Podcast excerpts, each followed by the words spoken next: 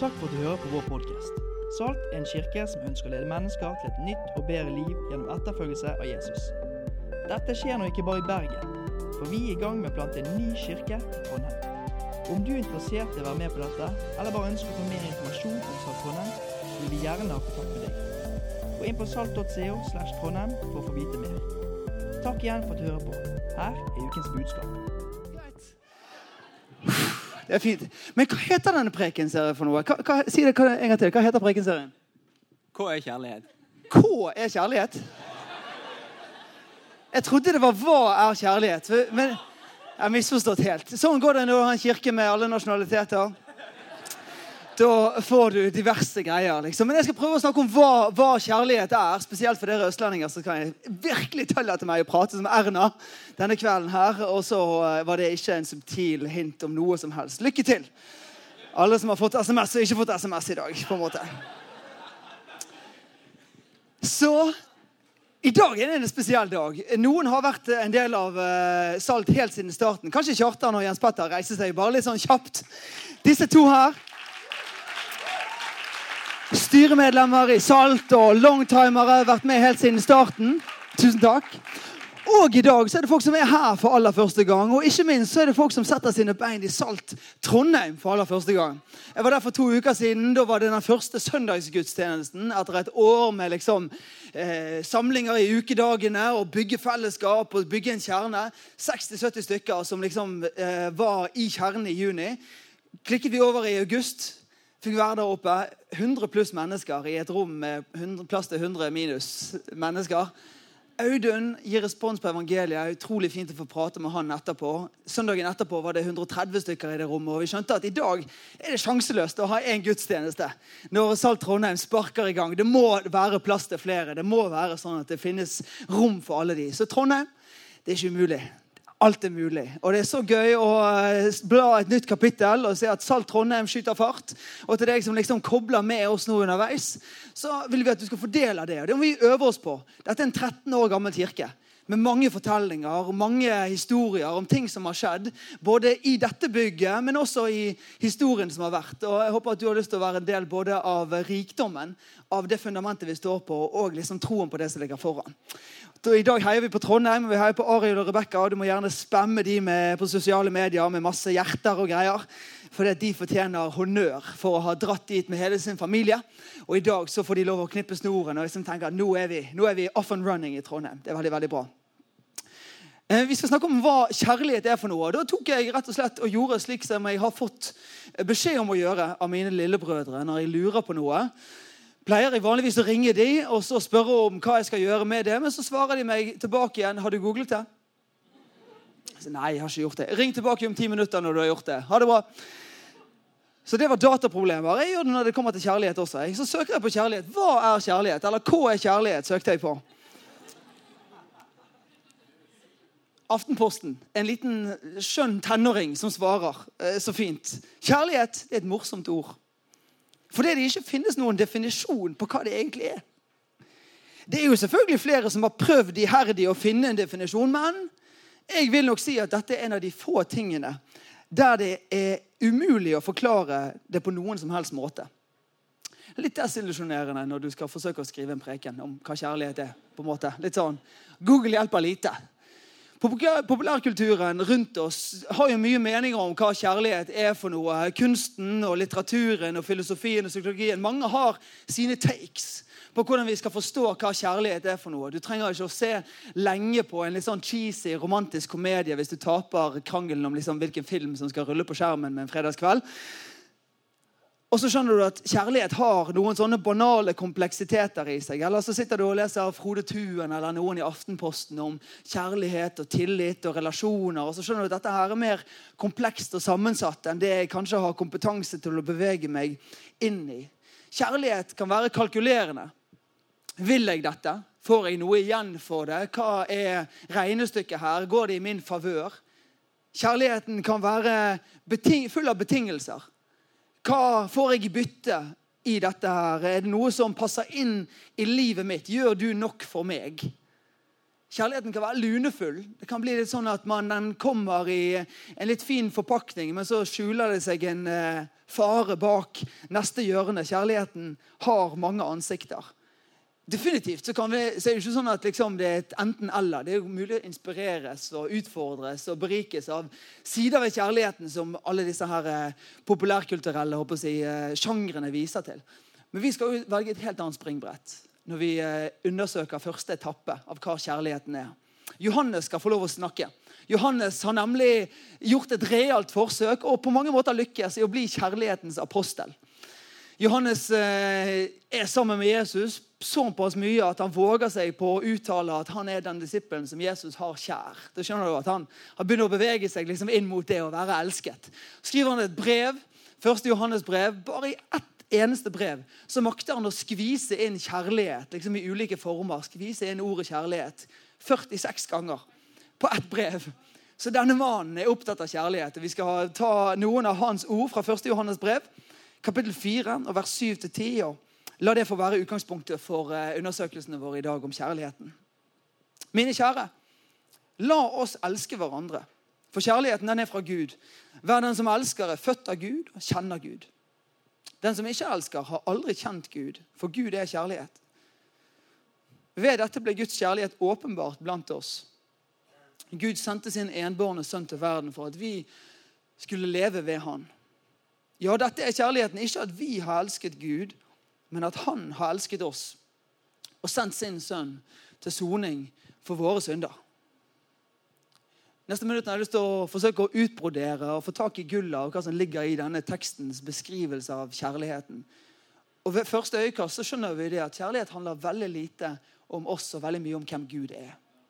Ikke bare om hvem Gud er, men hva Gud gjør. Og Når vi forstår kjærlighet, når vi snakker om kjærlighet, så er det veldig sekundært noe som handler om våre liv. Som vi skal, noe, et eller annet vi skal produsere, men kanskje først og fremst noe vi skal få lov å ta imot. Kjærligheten er en beskrivelse av hvem Gud er, hva Gud gjør, og også mottakere på andre enden. Mine to barn har blitt eh, skolebarn, begge to. Jeg trodde det var nok med ett stykk skolebarn eh, som stiller spørsmål. Nå er det to av dem. Og de kommer hjem hver eneste dag og har stadig nye spørsmål. Det er Den vitebegjærligheten er utrolig artig. Eh, den, den, stopper jo på en måte litt opp, føler man. Barna er så nysgjerrige på alt mulig. Har lyst til å vite hva er det, hva betyr det, hvorfor er det sånn. De ønsker å forøke sin kunnskap om verden. Og i dag så spilte Noel meg et helt, helt umulig spørsmål. De fleste spørsmål har jeg jo peiling på, selv om jeg vet at jeg kommer til å måtte studere litt sånn grunnleggende matematikk eh, tilbake til Google. What is eh, algebra? Eh, men Noel i dag eh, stilte meg et helt umulig spørsmål. Jeg vet ikke om du klarer å svare på det engang. Hva er Internett?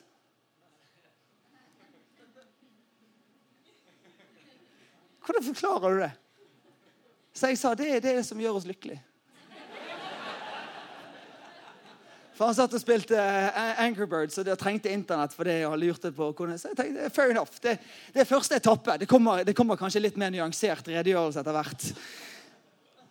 Men disse komplekse spørsmålene jager jo oss. Det er ikke sånn at vi blir kvitt de bare fordi vi vokser opp. Det kommer stadig nye spørsmål eller versjoner av spørsmål som vi kjenner som litt sånn mer enn bare umiddelbart lette å svare på. Hva er kjærlighet? Henger for Johannes sammen med et annet spørsmål som kanskje er enda større og om mulig mer komplekst. Hvem er Gud? Hvem er han? Hvordan skal vi forstå han? Hvem er han som har skapt himmel og jord, som har skapt meg og deg, og som holder alt dette i sin hånd? Hvem er han? Vi er jo ikke de første som spør det. Vi er jo ikke de første som liksom begynner å tenke de tankene. Til og med disse her eh, som trakket i hælene på eh, Jesus, vandret jo liksom rundt og begynte å lure på hvordan de skulle forstå hvem Gud var. Så Philip, en av disse her eh, som tråkket Jesus i hælene, han tar mot til seg kapittel 8 av Johannes evangeliet, spør Philip, 'Herre, vis oss Far. Det er nok for oss.' Og Jesus, kanskje litt sånn indignert, sier, 'Kjenner du meg ikke, Philip? Ennå jeg har vært hos deg så lenge.' 'Den som har sett meg, har sett Far.' Hvem er Gud? Hvordan ser han ut? Til det så svarer Jesus, se på meg.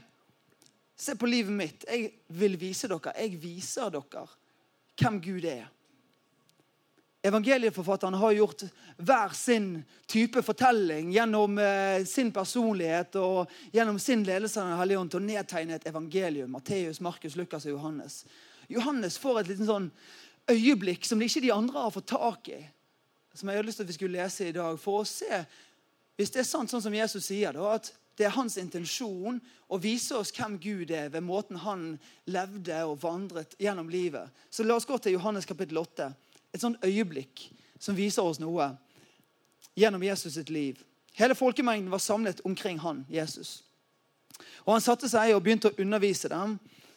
De skriftlærde kom, fariseerne kom med en kvinne som var grepet i ekteskapsbrudd. De førte henne fram og sa, 'Mester, denne kvinnen grepet på fersk gjerning i ekteskapsbrudd.' I loven har Moses påbudt oss å steine slike kvinner, men hva sier du? Dette sa de for å sette han på prøve så de kunne få noe å anklage han for. Jesus bøyde seg ned, skrev på jorden med fingeren. Men når de fortsatte å spørre, så rettet han seg opp og så sa han, den av dere som er uten synd, kast den første stein. Så bøyde han seg ned igjen, skrev på jorden. Da de hørte dette, så gikk de bort én etter én, denne eldste først. Til slutt var Jesus alene igjen. Kvinnen sto foran ham. Han rettet seg opp og så spurte han kvinne, hvor, hvor er de? Hvor er de blitt av? Så sier han, har ingen fordømt deg? Hun svarte, herre, nei, ingen. Da sa Jesus, heller ikke jeg fordømmer deg. Gå bort, synd ikke mer fra nå av. Hvem er Gud? En som er ivrig etter å finne feil? En som leter etter noe å anklage menneskene for? En som eh, bebreider oss og mener at vi burde klart oss bedre med den hånden vi fikk utdelt? Kan det være sånn mennesker i dag oppfatter, misoppfatter, misforstår, antar at Gud er? At det er sånn han forholder seg til oss? Så entrer Jesus scenen så sier han, se på meg. La meg få lov å vise dere i kjøtt og blod et inntrykk av, et speilbilde av hva Guds intensjon er. Jesus bøyer seg i sanden overhører disse ropene fra den blodtørstige, bedrevitende eliten som tenker at nå har de funnet et eller annet som de kan se ned på. Så sitter Jesus der i salen, og så, så blir det jo som han ser opp til denne kvinnen. Så sier han, 'Jeg fordømmer deg ikke.' Det er ikke min intensjon å komme og være krass. Jeg kom for å vise kjærlighet. Det er ikke min intensjon å dømme deg, men å sette deg fri fra det livet som du har vært bundet i. Jesus har eh, mange sånne spennende samtaler. En gang så kommer han hjem til Sakkeus, og så er det en sånn selvransakende øyeblikk for Sakkeus. For han skjønner at jeg, jeg, har gjort uendelig mye dårlige valg. Jeg har tatt til meg av menneskers eh, penger og gjort det til min eget mål å bli rikest mulig. Undertrykt dem. Så han går gjennom hele det systemet der og bestemmer seg for å redistribuere det han har, og gi det videre til andre. Og så sier Jesus til han i en sånn enkel, nydelig setning. I dag er frelse kommet til dette huset. Hvorfor det? Jo, fordi jeg, menneskesønnen, er kommet, ikke, eh, er kommet for å lete etter de bortkomne og berge dem. Hva er kjærlighet? Gud er kjærlighet. Hva er kjærlighet? Gud er kjærlighet. Hvem Gud er, sees best gjennom kjærlighetens linse. Og hva kjærlighet er, kan vi se gjennom Jesus sitt liv. Så er det ikke sånn at bare Gud er fornøyd med å være kjærlighet. Det er ikke simpelthen noe han er liksom fornøyd med at beskriver han som et liksom substantiv som sier noe om hvem han er. Men Gud gjør kjærlighet. Gud handler ut fra den han er. Kjærlighet er dypest sett et verb fra Guds side. Det er noe som kommer til uttrykk med at han lever kjærligheten ut. Og En eh, herlig venn og en eh, god forfatter eh, har blitt med meg gjennom disse forberedelsene. Truls Åkerlund heter han. Skrevet en nydelig bok. og Jeg har lyst til å lese for dere et utdrag fra den boken. Det kommer ikke på skjermen, så hør etter og prøv å få med deg ordene. Sier noe om hvordan Gud handler ut fra sin kjærlighet. Det er en vanlig tenåringsjente. Det er en ordinær mann lite annet enn nummer i rekken, navn uten klang, blekk på pergament i keiserens manntall. De har ingenting å slå i bordet med, men de banker på dører. Etter dager med vandring møter de fulle hus og stengte dører. Hun bærer et barn, han bærer en skam. En kvinne som ble gravid før bryllupet. Hans kvinne. En usannsynlig historie om englebesøk og guddommelig befruktning. Det er vanskelig å tro, men det er blitt hans historie. Nå virker Gud langt borte. Bankingen på dørene gir såre knoker, men ingen seng. Selv den som forbarmer seg over den unge jenten med den store magen, har ikke annet å tilby enn en stall og en krybbe. Det er lite ekstravagant ved Guds ankomst til vår verden. Vismennene de ventet en prins. Derfor letet de i palassene. Monarken ventet ingenting. Derfor visste han ikke hvor de skulle lete. Teologene pekte mot Betlehem. Derfor var det dit de dro. Men ingen kunne forestille seg det som ventet. Ingen ventet et barn født i en stall. Det er mer enn en fin fortelling den første julekvelden. Det er en kjærlighetserklæring fra Gud. Som ville si til verden at han elsker den på et språk den kan forstå. Det er armer strukket ut til frelse på en måte som verden ikke hadde forventet. Det er frihet funnet blant halm og høy i en liten by i et øde land. Her møtes himmel og jord. Gud blant dyr og mennesker. Immanuel, Gud med oss. For så høyt har Gud elsket verden at han ga sin sønn den enbårne. Ved dette ble Guds kjærlighet åpenbart blant oss. At Gud sendte sin enbårne sønn til verden. For Gud er sånn. En initiativtaker. En som nekter å stå på sidelinjen og bivåne våre liv som om han var en tilskuer og vi var aktører. Og så blir han stående og se på. Han nekter det. Han må involvere seg. Han vil involvere seg. Ordet blir menneske. Tar bolig iblant oss. Kjøtt og blod på guddommelighet. Og så blir han en av oss. Alt for å overvinne døden. Alt for kjærligheten. Jeg har fått lov å være vigselsmann ved noen anledninger. Det er en utrolig fin opplevelse. Å uh, se to stykker gi hverandre sitt ja. Det hagler jo med forlovelse her, så det kommer til å bli en festlig sommer. Midt i all denne planlagtheten og, og all romantikken og sånn, så skjuler det seg et lite sånn mikrokaos. Det er min opplevelse. Alt er liksom tilrettelagt, det vet jo brudgommen, for han trer jo bare inn som en brikke i dette puslespillet han er veldig klar over at alt har vært planlagt fra, fra, før, fra før, han var i mors liv. på en måte. Så mine dager og telte de og målte opp dressen og fant alt. Det er bare å tre inn. Play the part. Og så kommer øyeblikket, og der, der mann på en måte har, har sin mulighet til å briljere og, og, virkelig på en måte uttrykke at han skal være mann i dette forholdet. Så han får spørsmålet om du er villig til å elske og ære. og alt det der, Og Så skal han si sitt ja. Men han har ikke tenkt over at han ikke har snakket på veldig lenge. Og at det ikke er så mye liksom, kanskje stemmebåndkraft. Så det kommer litt sånn ja, Jeg har hørt utrolig mange flaue ja. Det er nesten som jeg har lyst som vigselsmann. Liksom, vil du prøve en gang til? Er det på en måte litt sånn, For å få litt sånn kraft over det? sånn at Kanskje det er mer enn de første fem personene hører det, men, men at mor din hører det også. på en måte. Du mener dette her, at du skal forlate henne. Og så starter spenningen. Da begynner pulsen å slå. For da er jo det bare én som har sagt ja. Hva skjer nå? Og vi antar jo veldig mye. Vi forventer jo veldig mye. Vi, vi håper alt. Men vi vet jo ingenting. Og det, det, er nesten litt gøy å være vigselsmann og på en måte dra det litt ut. Snakke litt sånn sakte. Eh, det er ingen som har lyst til at jeg skal vie dem etter dette. Greit. Jeg, jeg, er en uh, romantiker, men jeg holder det veldig skjult. Eh, og så st står mannen der, og så lurer han på hva, hva skjer nå. Vigselsmannen framfører setningen igjen og gir løfte om hun vil si ja til det. Men, men han vet jo ikke om kjærligheten vil bli gjengjeldt, eller om han står der liksom tomhendt tilbake. Og min enkle analogi her da, det er på en måte sånn Gud har valgt å forholde seg til kjærligheten. Han har sagt ja først. Uten å vite hva responsen kom til å bli. Uten å styre hva responsen kom til å bli. For kjærlighet kan ikke kjøpes. Sann kjærlighet kan ikke tvinges eller tas eller fås med makt. Kjærligheten er frivillig. Kjærligheten innebærer risiko. Kjærligheten er å komme den andre i møte og håpe at det blir gjengjeldt. I Romerne så står det at Gud viser sin kjærlighet til oss ved at Kristus døde for oss mens vi enda var syndere.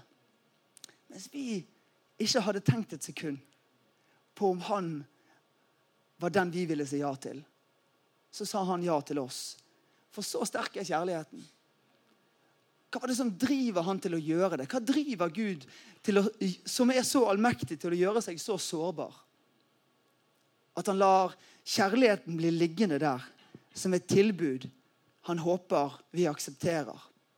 For så høyt har Gud elsket verden at han ga sin sønn den enebårne for at hver den som tror på han, ikke skal gå fortapt, men ha evig liv. Dette er kjærligheten. At Guds kjærlighet ble åpenbart blant oss. Gud sendte sin enbårne sønn til verden for at vi skulle leve ved han. Motivet for Guds kostbare kjærlighet er at vi skal få leve ved han. At vi skal ha evig liv ved han. Kjærligheten gir liv. Kjærligheten gir nytt liv, bedre liv, evig liv. Frihet framfor fangenskap, fornyelse framfor fortapelse. Så hva er kjærlighet? Hvordan skal vi forstå hva kjærlighet er? Johannes sier helt avslutningsvis Dette er kjærligheten. Ikke at vi har elsket Gud, men at han har, sin, eh, men at han har elsket oss og sendt sin sønn til soning for våre synder. Kjærligheten er ikke en menneskelig prestasjon eller et produkt av våre påfunn. Kjærligheten er Guds løsning på vårt problem. Kjærligheten er Guds løsning på vårt problem. Mens vi enda var syndere, sendte Gud sin sønn til soning for våre synder. En moderne lignelse om du vil, går litt sånn som dette. To venner vokser opp, bestekamerater deler eh, nabolag, deler eh, klasserom, deler liksom oppveksten sammen. De vokser opp som best buddies.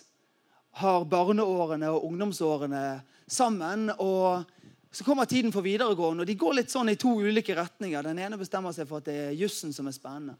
Velger studiene, velger eh, høyere studier, får til slutt muligheten til å være en dommer. Jobber i rettsvesenet og være dommer. Med vennen så er det litt annerledes. Av ulike grunner så havner han eh, alltid i kategorien dårlige valg.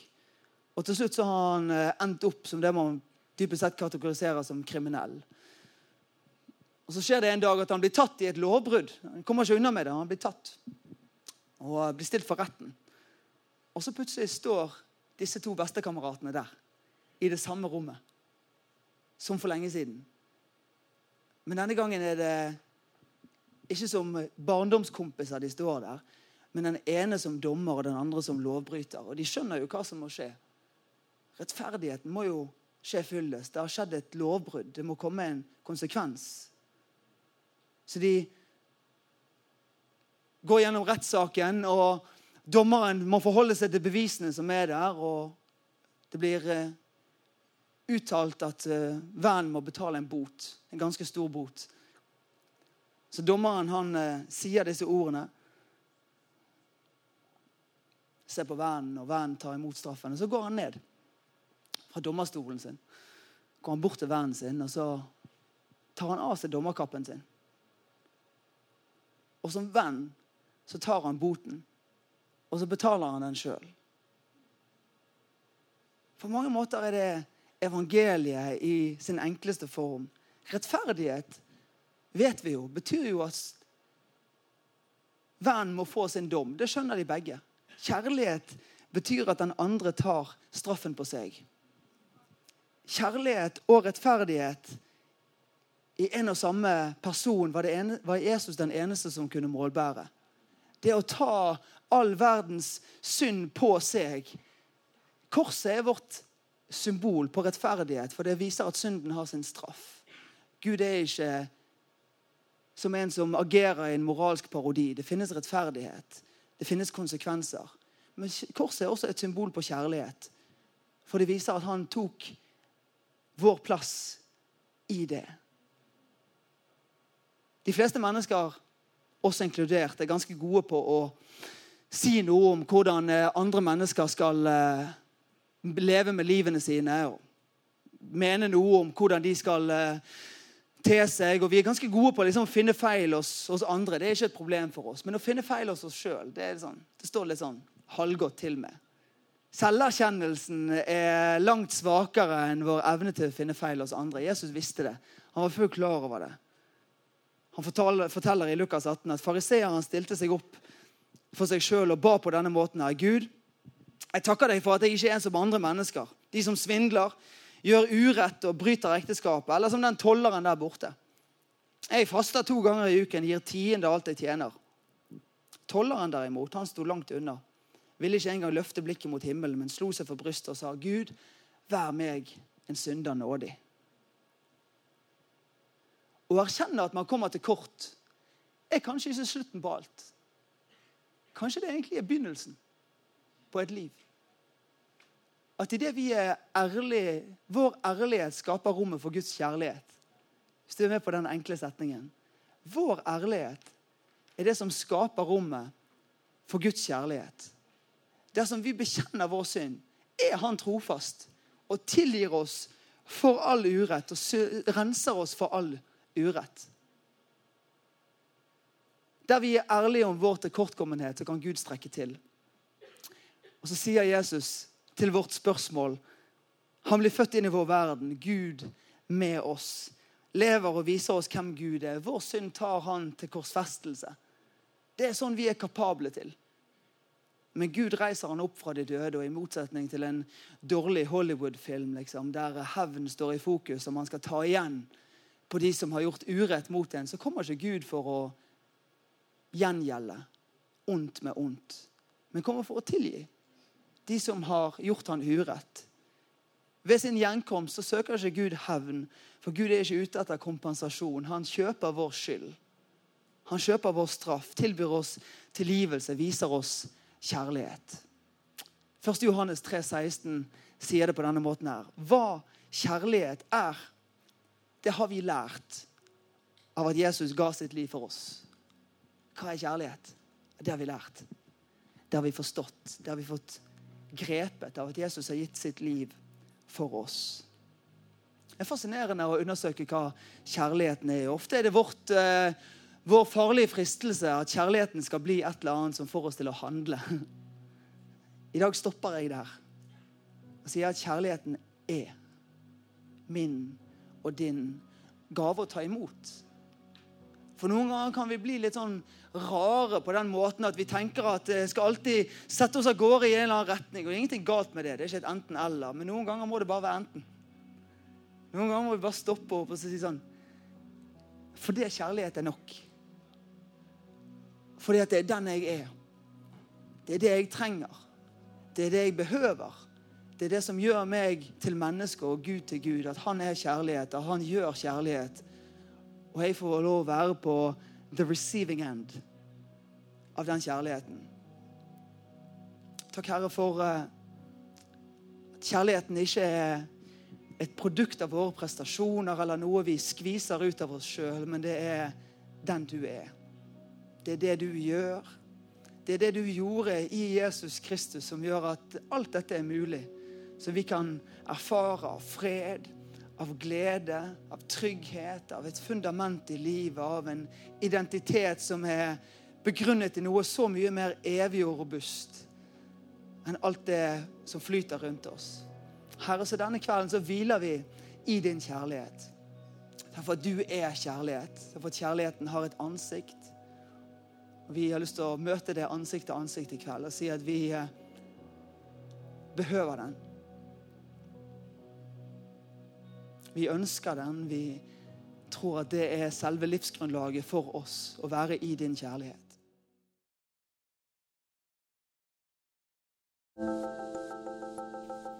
Takk for at du lyttet til podkasten til Salt. For å høre flere, besøk oss på saltbergen.no.